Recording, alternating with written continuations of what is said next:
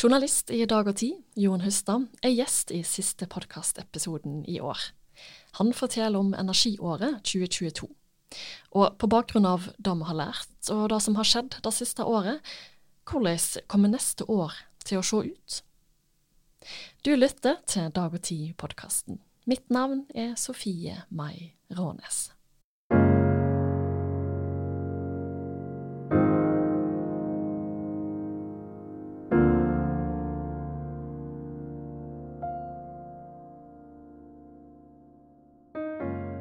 Velkommen, Jon Hustad. Tusen takk. Det er en stund siden sist du var gjest her i studio, så det er veldig kjekt å ha deg tilbake igjen. Jeg har ikke vært på jobb siden februar 2020. Jeg har vært på jobb, da, men jeg har knapt nok vært innom Oslo-kontoret. Ja, Heimekontor, med andre ord. Året rundt. Ja. Resten av livet mitt. Um, et tema som har vært mye skrevet om og diskutert i 2022, utenom krigen i Ukraina, da er strømprisen og energikrisa. Og selvfølgelig er det strømprisen og energikrisa vi skal se på denne uka. En slags oppsummering av energiåret 2022. Jeg er litt stolt over dette her, eller jeg er ikke stolt, men allerede i august 2021 så skrev jeg i Dag og Tid at eh, strømprisene kom til å gå gjennom taket. Og i hver uke etterpå så har jeg fått takkebrev fra lesere som tok fastpriskontrakter i august 21 og betaler 65 og 75 øre i fastpris, og da får de penger fra kraftselskapene for å bruke kraft. Så det er mange paradoks denne krisa har ført til. Så de sender deg litt overskudd, de da? Ja, de tilbyr meg at de skal finansiere en middag eller en øl på en spøk, da, men eh, jeg har ikke møtt noen av dem, da, det skal jo sies. Mm. En sjøl, har du òg fast pris på strøm? Eh, Ja, men på Sunnmøre i Midt-Norge, der jeg betaler strømmen min, så, så så jeg at det kom ikke til å bli ei kraftkrise eh, vinteren 2021-2022. Men derimot så jeg i august at det lå an til å bli det i år. Vinteren 22-23. Så nå har jeg fast pris på 67 øre, og det er det mange som er misunnelige på meg for, da, sett i lys av at eh, strømprisen i Midt-Norge enkelte dager har vært høyere enn i resten av Sør-Norge. Mm. Jeg tror det er mange som eh, angrer på at ikke de eh, ja, tok rådet og fikk fast Jeg har ikke noe råd, det prøver jeg å unngå, for å si det sånn, da, i, i, i dag og tid, da, men eh, det var en del som trekte den konklusjonen, da, for å si det på den måten. Mm. Ja, som du sa, jeg har notert meg her også at det var i august 2021 du da var tydelig på at strømprisen kom til å øke. Og det har jo egentlig bare steget Ja. siden da. Ja, og denne veka da så har du skrevet en artikkel om energiåret 2022, så det er da vi skal se litt, sånn, litt tilbakeblikk og litt framover, selvfølgelig. Og litt konsekvenser av høye strømpriser, strømstøtte osv. Det er krig i Europa, høye strømpriser, og vi har òg et klimamål vi skal nå. Hvis du skulle beskrevet året 2022 med ei setning, hva ville det vært? Tilbake til 1950-tallet. Ok, 1950-tallet, vil jeg si. Du skal nok eh, forklare hvorfor du mener det. Og eh, ja, vi kan egentlig komme inn på det nesten med en gang.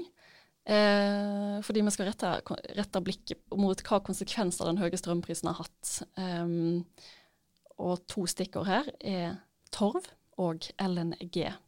Mm. Og du nevnte, du sa tilbake til 1950. Fram til 1950-tallet i Norge så var det faktisk vanlig å bruke torv. Ja, langs med kysten. Det som skjedde Det som eh, kraftutbygginga førte med seg Alle vestlendinger, ja, jeg tror nesten over hele Norge, ser jo sånne gamle bilder og gamle måleri og lignende. Og det de legger merke til der, er jo at det nesten ikke er skog i det landskapet de sjøl bor i nå, mens det nå er skog og kratt overalt. Men før vi fikk eh, mye kraft, så var jo skog eh, mangelvare. I tillegg så hadde jo folk mye mer småfe. Og småfea gikk og beita ute.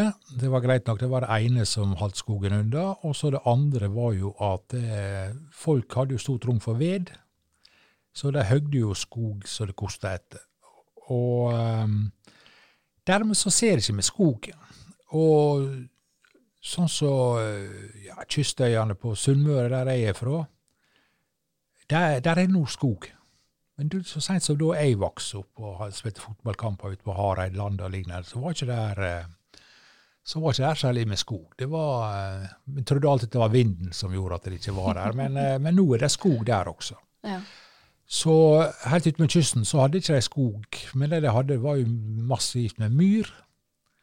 Så de grov etter torv. Og, det, og så tørka de denne torva, da, og så la de den inn i sånne ja, overbygg som var relativt åpne, sånn at vinden blåste. Mm.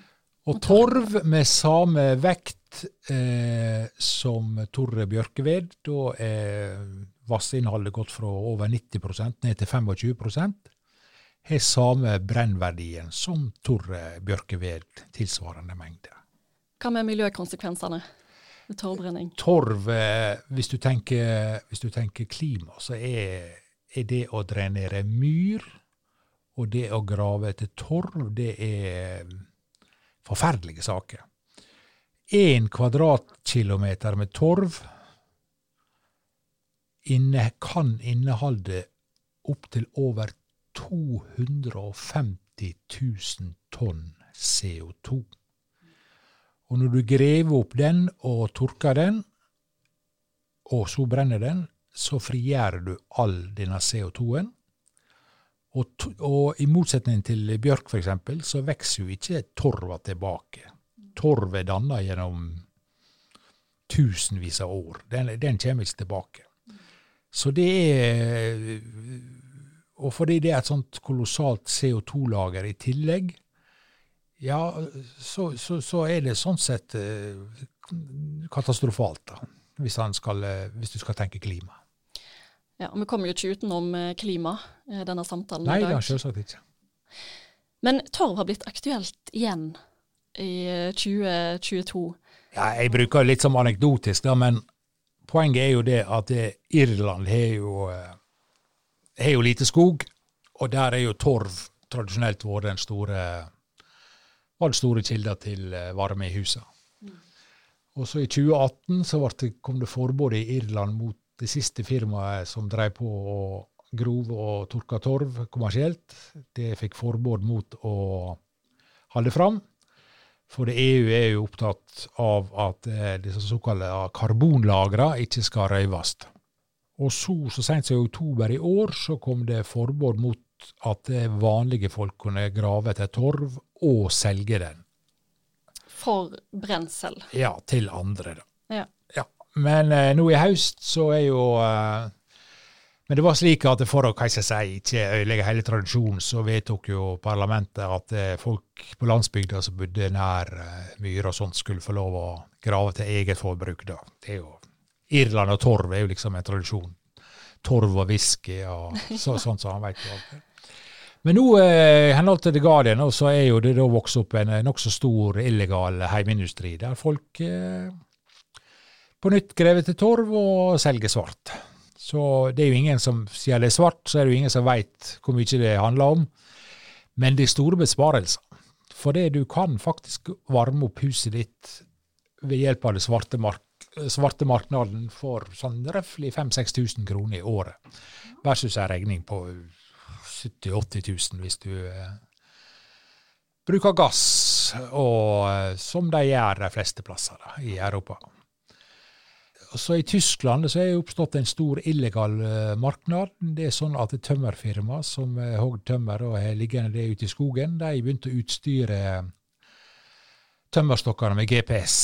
For de kommer med lastebiler i natta og stjeler.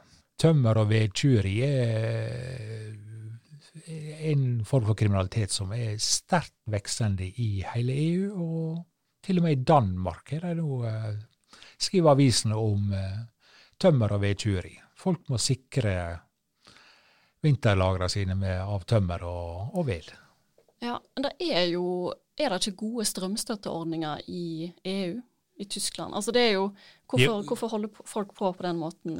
Det er gode det er en sånn myte som har bredt seg om at Norge gir så mye strømstøtte. Eh, Brygel, som er en tenketank og en forskningsinstitusjon i Brussel, som alle er enige om har de beste sammenlignende tallene, har jo laga en oversikt over eh, energistøtte i EU, inkludert Norge her.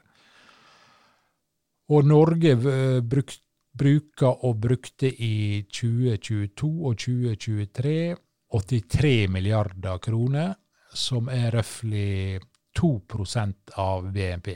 Det er litt mindre faktisk, fordi BNP er blitt så høyt, men det er en digresjon pga. gassen. Okay. Men der ligger vi langt nede på lista. Eh, og eh, Hvordan ligger de andre landene i forhold til Norge, da? I forhold til BNP? Det verste er jo Tyskland, og det blir Tyskland eh, godt og inderlig hata for i resten av EU. Iallfall i Sør-Europa, for Tyskland er jo, er jo rikere og har mer penger. Så de vedtatt å bruke ja, røftlig 2800 milliarder kroner, er det vel. 7,8 av BNP fra september 2021 til og med april 2024. Og Det gjør at uh, tyske husholdninger de bruker veldig mye gass, eh, som er en veldig effektiv oppvarmingskilde. De betaler 1 krone og 12 øre per KVH, eh, og den kommer stort sett fra gass, eh, men også for strøm. Er det en fast pris de betaler? De, de betaler den prisen for 80% av forbruket sitt i 2021-2022. Så der ligger en liten eh, et lite incitament, som det heter, en liten gulrot for at det er folk som sparer. Men inntil 80% av forbruket får de til for tyskere å være for en rimelig penge. Men den store satsinga er jo på industrien. Industrien får dekt 70% av energiforbruket. Omregnet til KVH så blir det der de betaler 70 øre per KVH. Og det er jo langt, langt billigere enn hva f.eks. næringslivet i Sør-Norge betaler. Ja, det høres ikke så bra ut for eh, for industri i resten av Europa? Nei, det, det betyr enkelt og greit at tyskerne karer til seg så mye energi som bare mulig. Og fordi tysk næringsliv da får tilgang til billigere energi enn resten av EU-landene, så er jo de i en bedre konkurransesituasjon. Og så er vi kobla direkte på Tyskland gjennom denne store kabelen vi fikk i fjor vår, eh, så gjør at eh, tysk næringsliv vil alltid, fordi prisene er så subsidierte, tilby mer penger for norsk kraft enn hva norske bedrifter vil gjøre. Så Enkelt og greit så pga. den enorme subsidiepakken til Tyskland, så driver de opp prisen på all energi i hele EU. Og de subsidierer til og med bilister i Tyskland. I Norge subsidierer vi bare elbilistene, som for øvrig er de rikeste i Norge, mens eh, vi andre dødelige som kjører diesel og bensin, vi ser jo hver dag hva pumpeprisen er. Når vi først er innom strømstøtta, hva syns du om den norske strømstøtta? Jeg syns den har vært grei i og for seg, da, men nå er strømprisen på vei til et sånt nivå. Og jeg tror at strømprisene kommer til å bli enda høyere neste år. Jeg tror det blir politisk umulig å ikke gjøre henne bedre. For det, la oss si da at, eh, at det av og til blir 20 kroner for 1 KVH. Da er det to kroner, litt enkelt sagt, da, som uh, vi sjøl må betale. Og så kommer moms, og så kommer det ene med det andre. Da passerer han kanskje fire-fem kroner per KVH. Og folk har ikke råd til det. Så jeg, det er politisk umulig å ikke gjøre strømstøtta bedre, tror jeg. Og denne regjeringa er allerede så upopulær at jeg ser ikke noen annen mulighet enn at de faktisk gir 100 over 70 øre. Og eh, det har de råd til også. Fordi sjøl om det er dyrt, når strømprisen er så høy som den er, så tar staten inn dobbelt så mye per år som den gir ut igjen i strømstøtte. Ergo så er det penger å fordele. Hva vil det koste da for en enebolig, f.eks., med en strømpris på 20 eh, Folk, folk endrer jo atferd, men da, da snakker vi om kraftregninger i måneden på 10 000-12 000 kroner med strømstøtte. Og, Ja. og folk har ikke råd til det. Nei. Strømstøtte i sin nåværende form. Mm. De som er eierne av eh, strømmemagasinene i Norge, som håver inn på med store, høye lønninger, hva tenker du om det? Jeg er så lei av det, jeg kan ikke få sagt. Eh, Det er så uhorvelig meningsløst.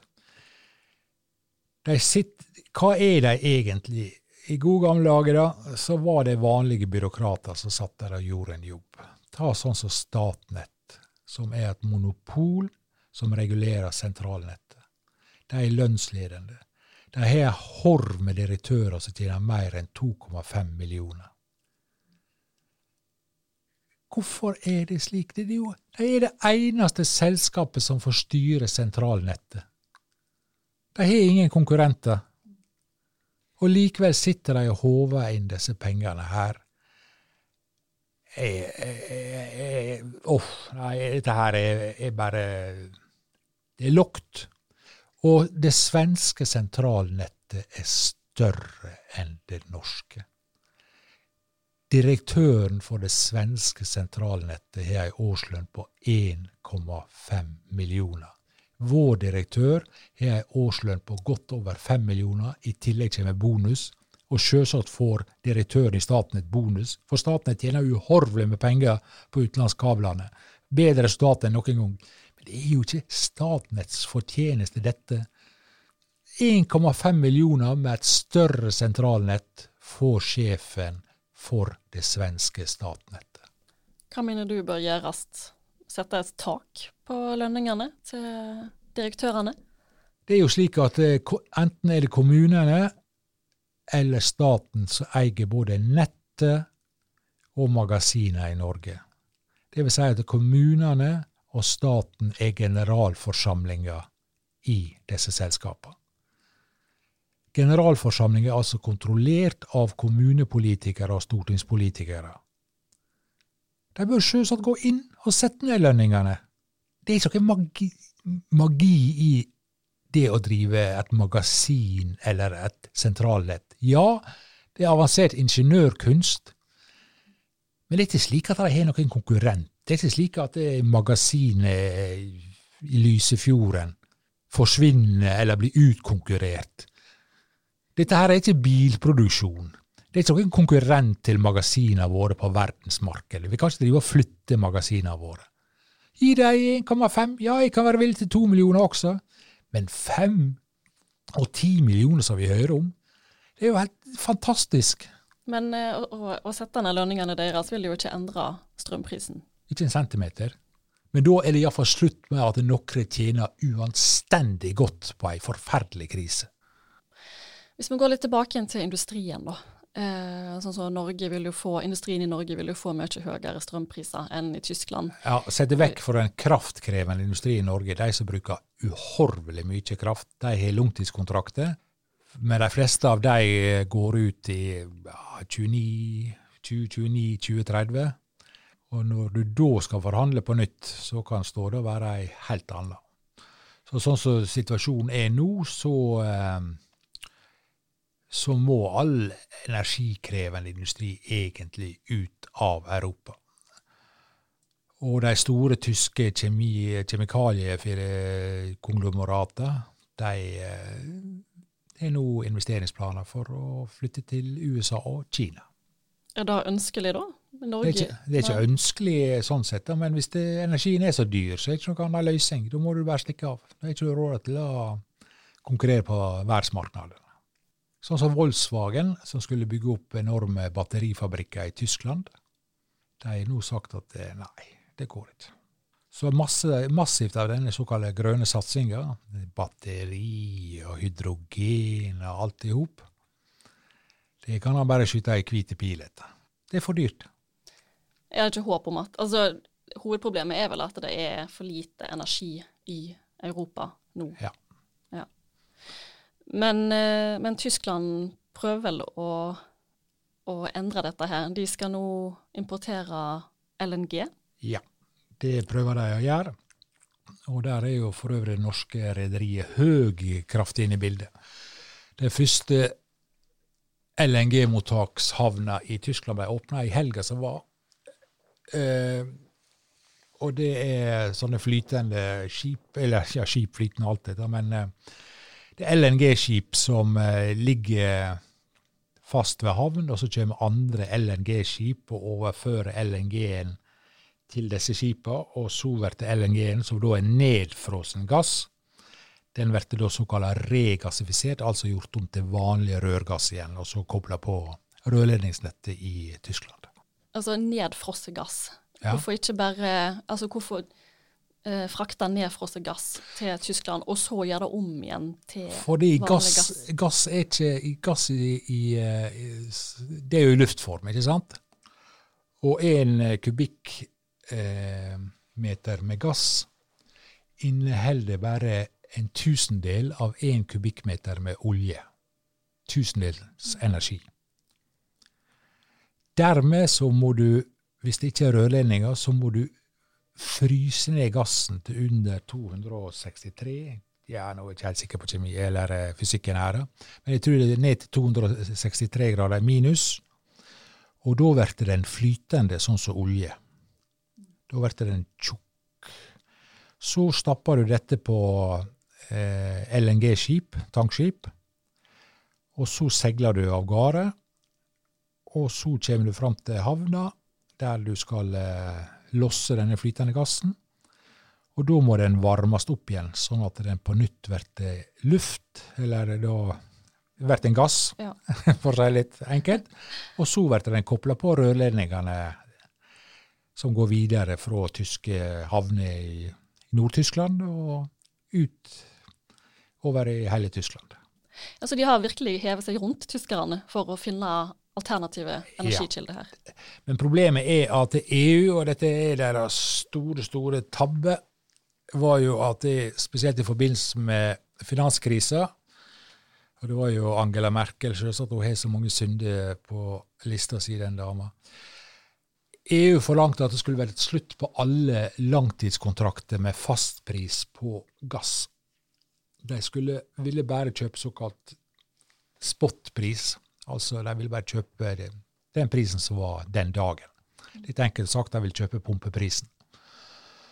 Eh, Norge protesterte, Russland de var noe fredelige da, protesterte og sa at dette her var dårlig tenkt, og det gjorde hele gassmarkedet mye mindre forutsigbart.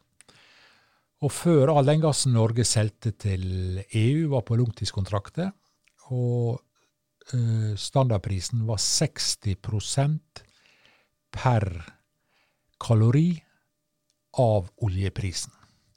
Så gassprisen var 60% av oljeprisen. Det var standarden. Og sånn gikk nå dagene. Men så fant EU at, EU at de ville ha spotpris, for det ble enda billigere, mente EU. Men så ble det mangel på gass, og dermed endte vi opp der vi er nå. Og så har Qatar og USA, produsentene der, sagt at nei, med, dere kan få kjøpe den LNG-en som er på verdensmarkedet og by høgst. Greit nok for oss.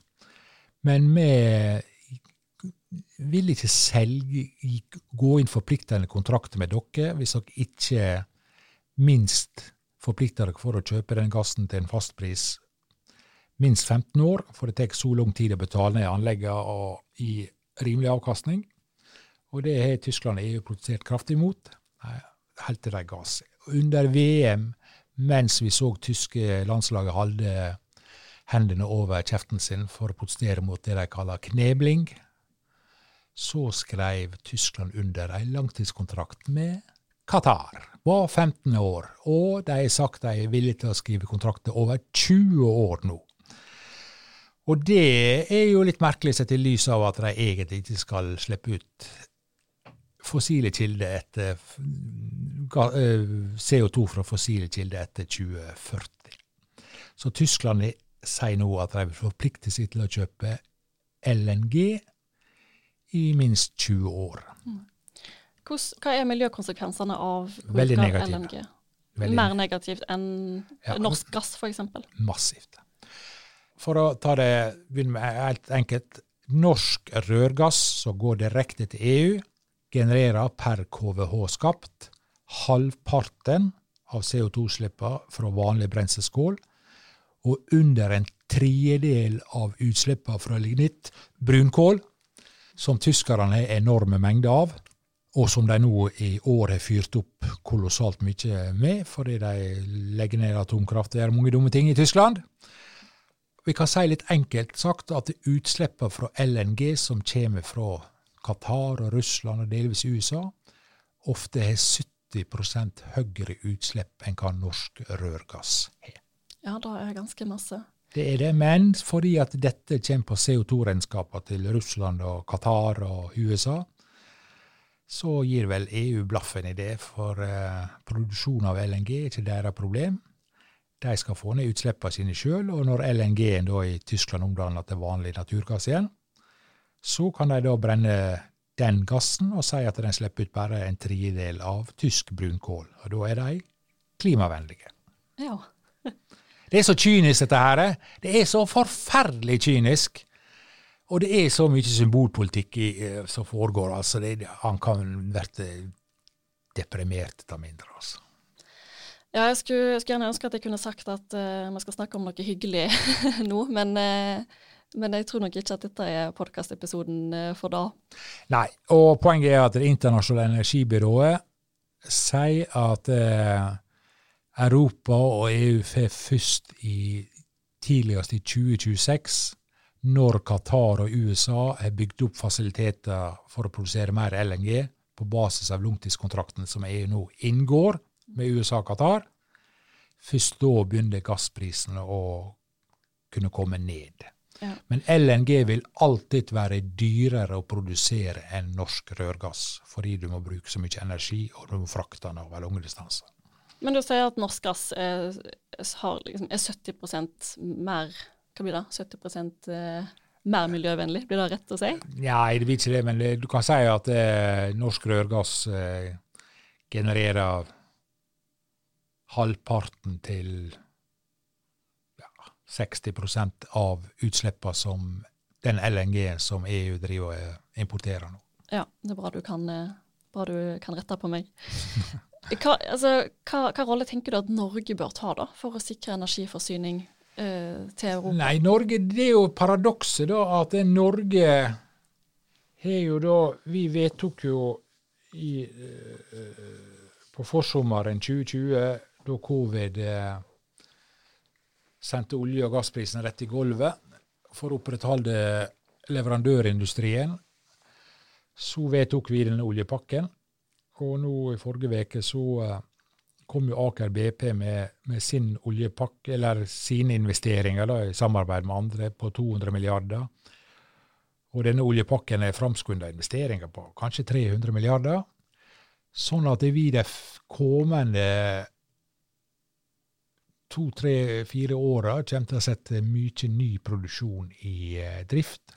Sånn at vi øker både olje- og gassproduksjonen nå litt, men samtidig så er jo resten av feltene våre på vei ned. Og så vedtok jo da eh, denne regjeringa her, eh, etter krav fra SV, å ikke lyse ut ei ny konsesjonsrunde. For første gang i norsk oljesåge under ei regjering. Og det betyr at de ikke åpner nye områder av eh, norsk sokkel for leiting.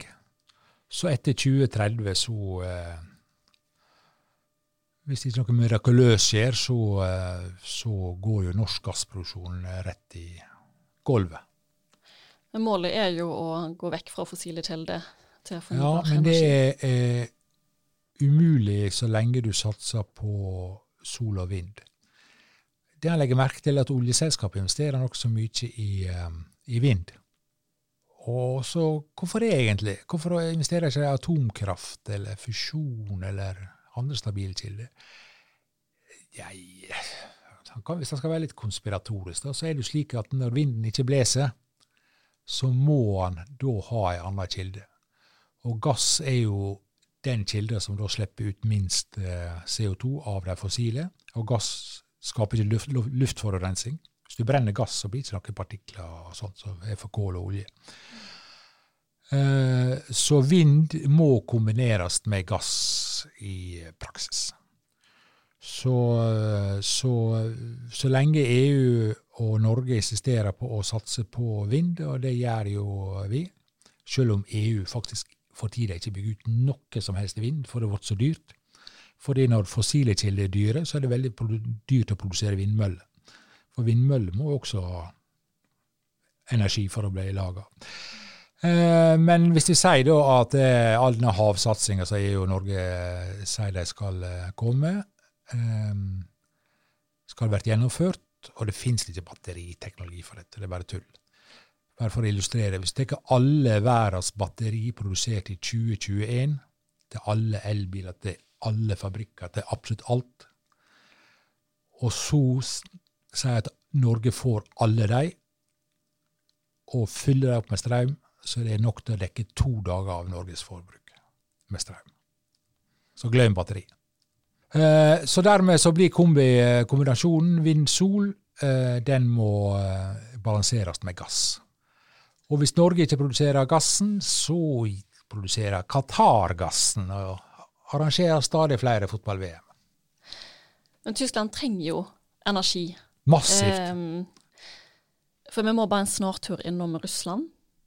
Eh, ifølge Det internasjonale energibyrået, IEA, som du òg har referert til eh, i dag, så vil EU mangle 27 milliarder kubikkmeter gass i 2023 hvis Russland helt slutter med røyreksport i 2023. Og EU har allerede kutta forbruket sitt med 50 milliarder kubikkmeter gass. Eh, og før du skal få kommentere da, så, så lurer jeg på 27 milliarder kubikkmeter gass. Kan du gi oss et bilde på, på hvor masse dette her er? Hvor mange husholdninger eller husstander er det som vil være uten gass hvis de ikke får tak i denne gassen her på en annen måte? For å si det litt enkelt, så er 27 milliarder kubikkmeter gass det tilsvarer ca. 280 TWh. Og 280 TWh, det er 2800 000 kilowattimer. Norges samla kraftproduksjon er ca. 150 TWh. Men så skal en huske at Norge er det landet i Europa som bruker mest strøm vi bruker kolossalt av det.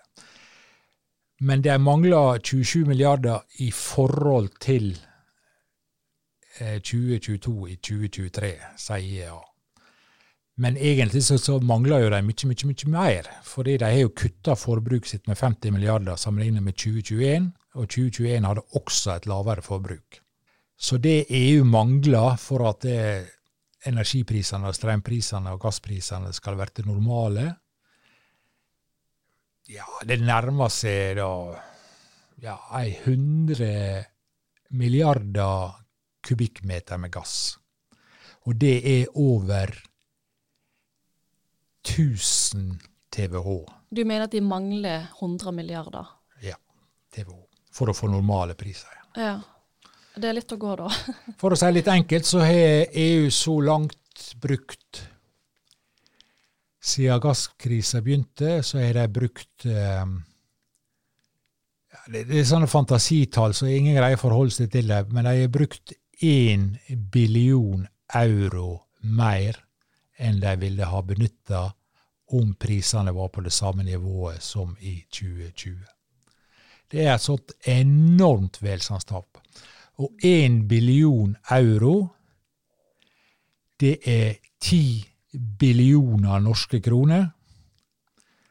Og et norsk statsbudsjett er på 1,7 billioner.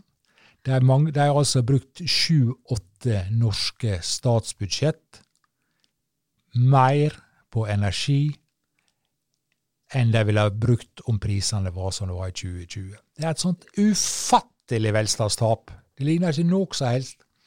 Og nå i, bare i Storbritannia, som ikke lenger er med i EU, så kom det en rapport i går om at det der er trolig én million heimløse. Tenk på det, Storbritannia er jo tross alt et land som vi ser opp til. Det er fattigdom, det er så mye fattigdom. Det er så mye elendighet som er i kjølvannet av dette. Men disse her billionene, er da på strømstøtte og innkjøp av Det LNG? det er, det er altså? merprisen på energi. Mm. Og så bruker de da kolossalt på å subsidiere energi. Og når Italia bruker 5% av sitt eh, bruttonasjonalprodukt på å subsidiere energi, Tyskland bruker nesten 8 så stiger jo gjelda. Så stiger gjelda. Og det er samtidig som rentene går opp for at det skal være mindre inflasjon. Så driver regjeringa og bruker masse penger på å subsidiere, som da øker inflasjonen. Nei, det, det, er en, det er en dødsspiral, dette her. Og det eneste måten å komme seg ut av dette på, er å skaffe seg mer energi veldig fort. Får de ikke dekka dette behovet gjennom LNG-gass fra Qatar? Om fem-seks år, med de investeringene som det ligger an til å verte i Qatar, i USA og andre plasser, så vil det nok begynne å se bedre ut ikke mye verre for klimaet, rett nok.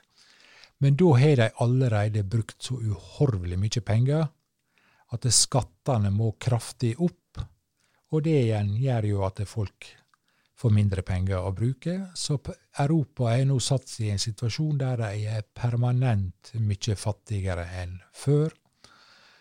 Og så lenge Europa sjøl ikke satser på å lete etter olje og gass, ja, så er denne her eh, energikrisa en påminner om hva som skjer om du ikke holder orden i ditt eget hus. Hvor lenge kan EU holde ut da, i den situasjonen som vi har nå, med disse strømprisene? Nei, De kan egentlig ikke holde ut. Da. Det er to måter å få ned energiprisene på. Det ene er at folk forbruker mye mindre, og da blir det mye kaldere og mye tristere. Eller de skaper mye mer energi, og da blir det mye kjekkere. Og det som skjer nå, er jo en revitalisering av eh, atomkraft. Nederland er vedtatt å bruke 600 milliarder på å bygge to nye atomkraftverk. Sverige skal bygge massivt mer. Stadig flere land i EU har nå signalisert at de vil eh, satse på atomkraft. Bare for å ta en illustrasjon. Oljekrisa, Jom Kippur-krigen i 73, førte til en firedobling av oljeprisen og i den tida var det sånn at eh, kraftverk gikk på olje. For olje var jo så billig. Og Frankrike satt, satt, begynte en storstilt utbygging av atomkraft. De greide å redusere Hvis du sier at forbruket deres i 1972 var 100, så var det 15 år seinere 20. De greide å redusere sin fossilbruk med fire femtedeler, takket være atomkraft. Men eh, dessverre så er jo det slik at eh, spesielt tyskerne, som er naturmystikere, de eh, er veldig skeptiske til atomkraft. Og Tyskland er jo navet som alt dreier seg om i både EØS og, og uh, Europa ellers. Tyskland er den store planeten, og vi andre er måner som uh, flyter rundt den. Går i sirkel rundt den. Så Tyskland det er det store spørsmålet. Men det ordner jo seg på den måten at eh, hvis energiprisene holder seg høye, så flytter jo industrien vekk fra Europa. Og da blir jo energi billigere. Men da er jo også Europa mye fattigere, for de ikke produserer ting som resten av verden vil ha. Men hvis vi går litt tilbake til det du sa, altså du var innom atomkraft, og så har vi jo òg sett noe eh, et gjennombrudd innen fusjon? Ja, Det er ikke et stort gjennombrudd, men det, begynner å ligge noe. Og det er faktisk massivt med kommersiell satsing rundt omkring i verden. Det skal sies at Equinor er faktisk litt inne i fusjon. De har investert noen kroner der. Hvis det ordner seg, så er jo, eh, så er jo alt, alle sorger over. Men det tar ufattelig lang tid. Og sånn som f.eks. at eh, Nederland bevilger vedtok å bruke 600 milliarder kroner på to atomkraftverk. Det tar iallfall ti år før de er på plass. Det tar uhorvelig lang tid å bygge. Mens Frankrike på 70-tallet var mye mindre byråkratisk og mye mindre sikkerhetskrav. De greide å lage de bygde seg opp en sånn kompetanse at de greide å få til serieproduksjon. De lagde helt like atomkraftverk. Men den kompetansen er gått tapt i Europa etter tre eh, Mile Island-ulykker i USA i 79 og etter Tsjernobyl så var det jo, forsvant jo i praksis nesten all atomkraftkompetanse ut av Europa. Så per i dag så er det sørkoreanerne, russerne. Russerne er fortsatt store, og eh, kineserne som har kompetanse på atomkraft. Det er jo ganske store, alvorlige konsekvenser eh, hvis det skulle skje en ulykke ved et atomkraftverk. Ja da, kan du skal, forstå at folk er skeptiske? Jeg kan forstå det, men jeg skal huske at det, det samla sett i verden er det dødd langt færre pga. atomkraft enn det dør folk i norsk trafikk per år. Kål dreper kolossalt. Tre dreper kolossalt. Torv drap kolossalt. Forferdelig luftforurensning. Og jeg sjøl skrev ei bok om utbygging av kraftverket, det store kraftverket i min heimfjord, og da røk det med elleve under utbygginga. Mm. Atomkraft er så langt statistisk sett eh, det absolutt tryggeste som finnes. det. Men så kan jeg si, jeg ser jo så, hvor nervøs vi blir av det som foregår i Ukraina, der eh, Putin sender raketter av gårde mot atomkraftverk. Men det er tross alt gått bra ennå. Så eh, hvis ikke han ønsker atomkraft, og fusjon er lagt der framme, så, ja, så er det å fortsette å brenne kål. Og kål Vi bruker mer energibruken i verden er jo eksplodert siden 2000, fordi Kina kom med i Verdens handelsorganisasjon. Og vi, i den absolutte energibruken så hadde kål i jeg er ikke helt sikker på om jeg husker rett, men jeg tror det. I 2020 av verdens samla energi Nei, 20, år 2000 av verdens samla energimiks, så var kål 24% I 2022 ligger det an til å bli 26% Så det går opp? Det går opp. Mm. Og så lenge vi ikke er villige til å satse på atomkraft, så, vil, eh, så er det umulig å fase ut kål fort. Men da er alternativet under utfasinga det er sol og vind i kombinasjon med gass. Men da må vi leite etter gass. Og gass er tross alt mye bedre enn både olje og spesielt kål. Mm. Så du, så du, mener da at Norge bør gjøre en større innsats for Norge, å Norge kan, Norge kan mene mye rart, jeg, men det er noe sånn sett nå Jeg tror at oljealderen, olje- og gassalderen i Norge er på vei over. Fordi når SV nå har fått gjennom det de har fått igjennom, selv om det ikke er noe flertall for det i befolkninga, så er den seieren eh, tre år, iallfall. Og så neste gang så blir det Frp og Høyre med støtte fra Venstre og KrF. Og så kommer Venstre og KrF til å kreve det samme som SV krevde. At det ikke blir en ny konsesjonsrunde under den neste, kanskje Erna-regjeringa. Og slik går nå dagene. Småpartiene i Norge er i ferd med å lykkes. Det blir en politisk avvikling av norsk olje- og gassnæring. Rett nok skal vi ha den i 50 år til, for det Sverdrup-feltet kommer til å produsere f.eks. i 50 år til. Men det blir ikke produksjon etter 2030 sånn som ligger an nå. Øh, kommer til å falle, falle, falle. falle.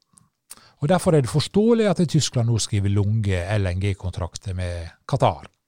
For de kan ikke lenger stole på Norge, tror jeg. det. Eh, vi skal begynne å avslutte. Jeg lurte på, eh, Jeg har et par spørsmål til. Jeg lurte på om du sjøl har endra noen av vanene dine i løpet av 2022, etter at alt har blitt så mye dyrere? Jeg kjøper Jeg er veldig ivrig på datodiskene i butikken. Og så er det helt bisarre juletilbud nå for tida. Så jeg har liggende da 40 kilo med mandelpoteter i en kjeller, så jeg betalt noe sånn som 100 kroner for. Så jeg, også er fryseren full, og så prøver jeg å kjøre mye mindre bil, for jeg er en dieselbil, og dieselprisen er jo helt forferdelig. Og så har jeg jo da selvsagt fått med varmepumpe på i huset på mitt på Sunnmøre. Så ja, jeg, jeg, tror alle merker denne her krisa. Så I tillegg så har vi renteauken, da. Og da er det så paradokset at eh, også Norge og EU bruker mye mer penger på å subsidiere energibruk. Og subsidier skaper jo til slutt mer inflasjon, og da går renta opp. Men som nordmenn så har ikke vi store grunn til å klage. Vi tjener uhorvelig mye på dette her. Og så må vi bare be til vår skaper om at oljefondet overlever. For det krasjer verdensøkonomien, så har vi plutselig pumpa opp masse olje og gass og uten at vi får noe igjen for det. Ja, da, da mister vi hele verdien i oljefondet? Nei, ikke hele verdien, da, men det er klart at det i urolige tider Det bruker jeg ofte å si, det at uh, Norge kan sammenlignes med England i 1914. Enorme investeringer i andre land. Og så kom første verdenskrig, og da tapte de over halvparten av det. Og så kom andre verdenskrig. Da tapte de alt det, og satt igjen med ei gjeld som var 270% av verdiskapinga. Krig og urolighet og sånne ting, det har det med å endre kapitalflyt. Det er ikke mer enn Da jeg vokste opp, så var ikke lov Så måtte han eh, Fikk ikke han ta med seg så mye penger han ville til utlandet. Det var ikke noen fri flyt av kapital da. Så eh, det her risiko, oljefondet også er en veldig stor politisk risiko. Og hvis Norge fortsetter å tjene gode penger på oljen og gassen og kjøpe aksjer, så kan det jo en dag være at utlendingene sier at nei, vi syns ikke dere fortjener å sitte med disse bedriftene våre, så har dere hjem igjen. Who knows? Ja, det er jo det er vanskelig å spå inn i ja, ja, ja. da. Men du skal likevel få lov til å prøve. Eh, som jeg nevnte helt i starten av episoden, så eh, var det tydelig på i august 2021 at strømprisene kom til å øke kraftig. Ja. Eh, og nå eh, er vi jo straks eh, ferdig med år 2022. Og da tenker jeg litt liksom, på bakgrunn av det du har fortalt oss i dag. Hvordan tror du 2023 kommer til å se ut? Uh, ja. Han bør ikke spå, da, men siden det er Det som skjedde i år, var jo at EU og Tyskland greide å bygge opp gasslagrene sine. Men de gjorde det i stor grad på basis av russisk gass. Fordi ja, før invasjonen av Ukraina så skudde Russland litt ned på gasseksporten sin. Og derfor fikk jo vi høye priser. Men da krigen kom, så åpna de opp gasskranen noe enormt, og EU kjøpte med begge hender. Sånn at de greide å gå inn i denne vintersesongen her i oktober med til dels fulle lager det får de til til neste vinter. Og uten fulle lager i kombinasjon med import, så må gassforbruket kraftig ned, subsidier ikke, og da går strømprisen enda mer opp. For så lenge Norge lar eh, kablene være åpne, og det kommer vi til å holde fram med, så, eh, så, er det, så blir våre magasin tappa ned. Og Man ser jo nå også i Nord-Norge, og spesielt i Midt-Norge, at når det er kaldt, da er det høyt trykk. Og når det er høyt trykk, da blåser ikke vinden. Og når det er kaldt, så kommer det vann ned i den såkalte småkrafta, altså den ikke-regulerbare krafta, der det bare kobler en turbin på ei elv. Da er det lite vann der, og da går prisen rett i taket.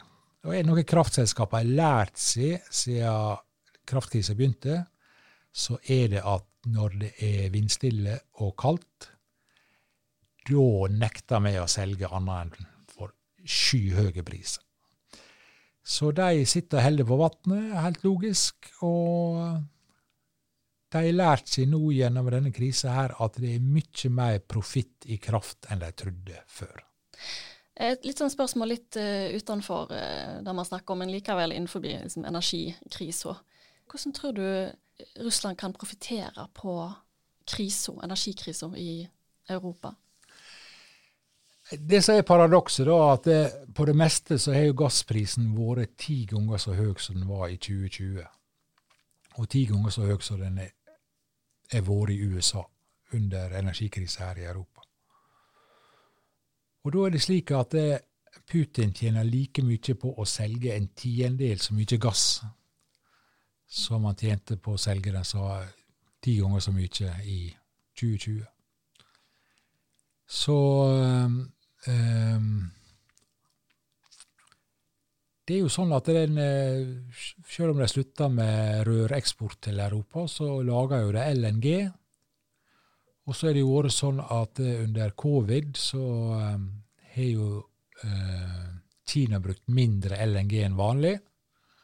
Og Kina har jo tross alt en viss import av uh, gass fra Russland, som nok kommer til å øke på. Kina sitter med gode kort der, for det, ja, de er mektigere enn Russland. Og den overskuddsgassen fra Russland som de sjøl ikke har brukt, har Kina solgt til Europa. Men nå vet jo jeg at millioner av kinesere driver og dør fordi de slipper løs covid. Uten gode vaksiner. Det er helt tragisk, det er også selvsagt. Men det betyr jo at økonomien deres kommer i gang igjen. Og da kommer de til å etterspørre mer LNG.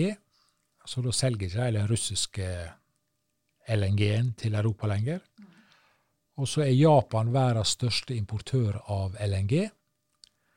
Og de er blitt veldig urolige pga. Kina, Taiwan og alt det der. Så nå er den japanske regjeringa i ferd med å vedta at de skal bygge opp strategiske lager av LNG. Når de skal bygge opp strategiske lager, så subsidierer de innkjøp av LNG. Og da går jo LNG-prisen i Europa opp, fordi vi må by enda mer for å få tak i LNG. Og så driver EU og snakker om pristak til stilletid. Så det er vanskelig å se hvordan Russland ikke profitterer på dette. Da. Det skal sies. Men det er jo en digresjon, men Russland er jo i ferd med å dø veldig sakte. Fordi de mangler jo den teknologien, og de mangler og det er jo stokka av så mange unge, flinke folk fra Russland. Så du kan tenke deg, hvem er det som vedlikeholder serverne på det russiske svaret på Nav? Det er sånne spørsmål man må stille seg, og det er eh, Ja. Men eh, tror jeg at Russland en gang blir en del av det gode selskap? Tja Det var jo slik at vi til og med under Saddam Hussein, jo Tollo Khomeini for en del, kjøpte jo energi. Det er slik at energi trumfer alt annet. Tyskland har sett ut som en idiot i Qatar pga. det de gjør, men de er avhengige av å få fatt i energi. og den dagen det blir fred i Ukraina, så tipper jeg at vi er i gang igjen med å importere fra Russland. Mm. Da setter vi strek der. Tusen takk, Jon Hustad, for at du var gjest i studio. Det var en oppbyggelig liten halvtime, dette her. Ja. dette er da siste episoden eh, før eh, jul, men Dag og Tid-podkasten er tilbake igjen i januar.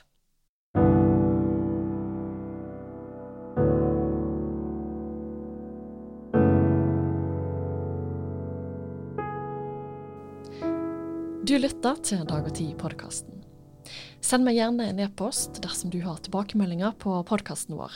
Adressa den er sofie krøllalfa dagogtid.no.